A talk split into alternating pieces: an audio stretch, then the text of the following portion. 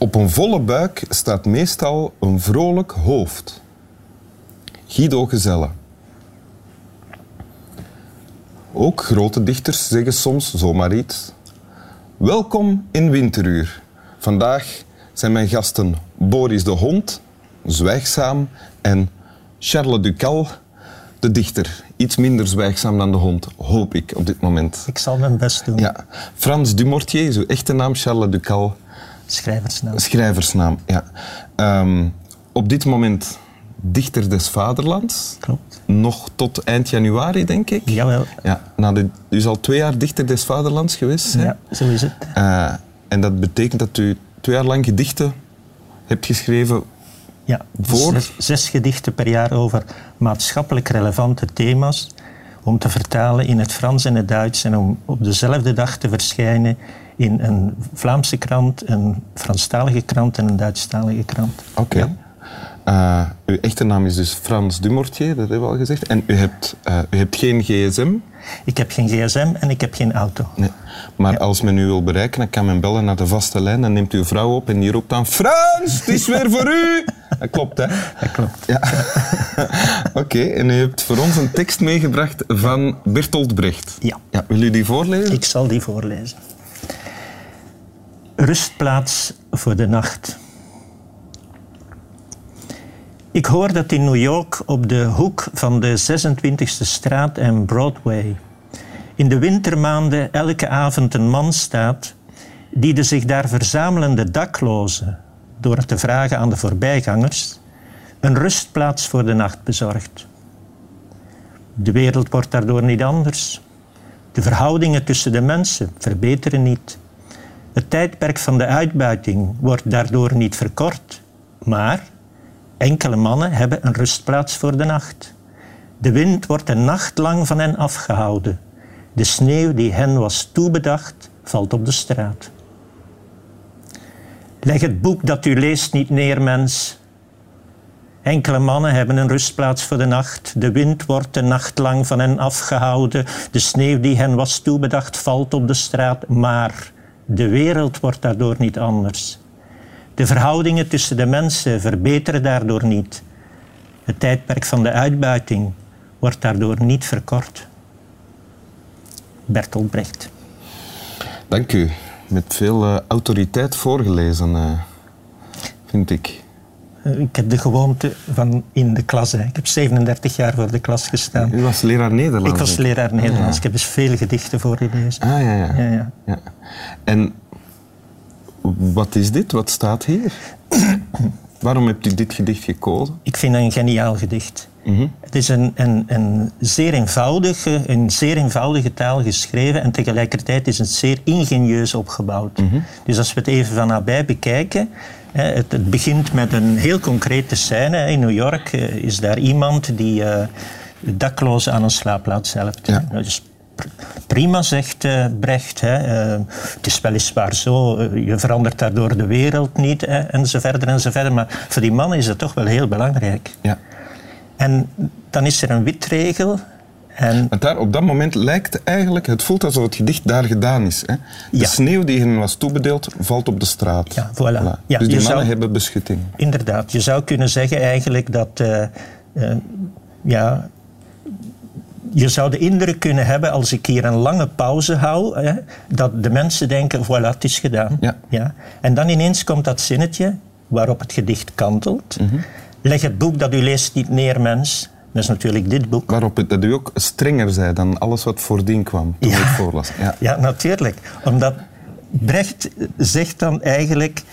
Wat hij eigenlijk doet, is precies dezelfde regels gebruiken, Mhm. maar de zaak omdraaien. Dus wat eerst toegeeflijk wordt gezegd, hè, de wereld wordt daardoor niet anders, maar hè, belangrijk is, enkele mannen hebben een rustplaats voor de nacht, dat draait hij nu om. En hij zegt, ja, enkele mannen hebben weliswaar een rustplaats voor de nacht, maar de wereld wordt daardoor niet beter. Hè? En dus wat, wat bijzaak wordt, wordt hoofdzaak. En, en ja, dat, dat doet nadenken, denk ik. Hè? Zo van individuele actie. Eh, Brecht vindt dat prima. Hè? Dus hij is niet zo dat hij zegt, die man in New York, dat is een onnozelaar of zo. Integendeel, ik denk dat hij die man bewondert. Alleen zegt hij, als het alleen dat is, dan zitten we in het kader van de liefdadigheid. Dus wat je moet doen is eh, iets doen aan de oorzaak. Waarom zijn er daklozen? Waarom zijn er vluchtelingen? Waarom, uh, ja... En de manier waarop Brecht dat doet, is dus eerst beschrijft hij de situatie. Dan zegt hij, ja, de wereld wordt niet anders, verhoudingen veranderen niet.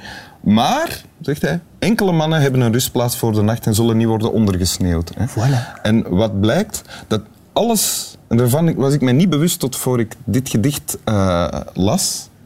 Ja. En, ik, en, ik, heb het nu pas gelezen, uh, omdat u het wou voorlezen. Uh, alles wat voor de maar komt, is eigenlijk niet belangrijk. Zo, zo zit onze taal in elkaar. Ik ja. kan zeggen, u was twee jaar lang dichter des vaderlands, maar u geeft de fakkel door. Het punt is dan, het is gedaan. U geeft de fakkel door. Ja. Ik kan ook zeggen, u geeft de fakkel door, maar u was twee jaar lang dichter des vaderlands. Voilà, je hebt het perfect begrepen. Ja. ja. ja. En dan, wat na de maar komt, is dan eigenlijk geruststelling. Ja. We worden gerustgesteld. Er zijn Ja. toch een paar mensen die dankzij die lieve man kunnen slapen.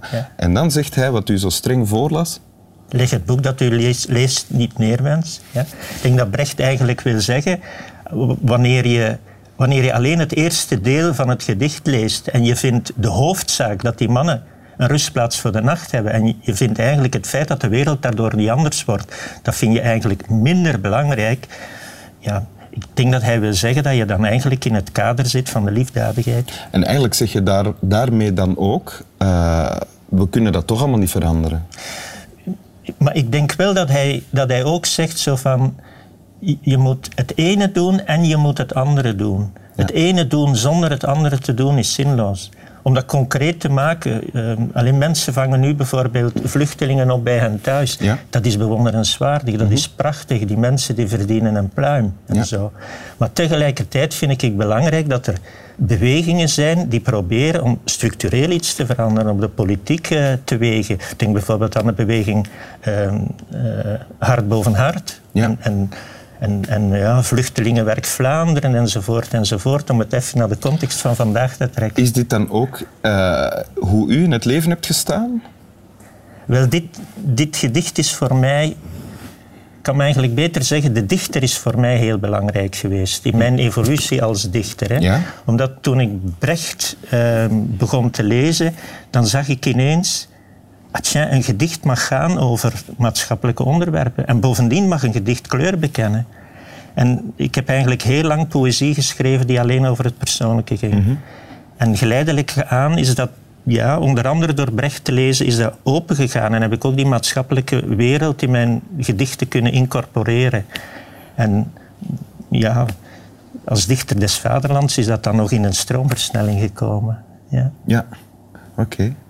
Wil u het nog eens voorlezen? Ik ga het nog eens voorlezen. Rustplaats voor de nacht.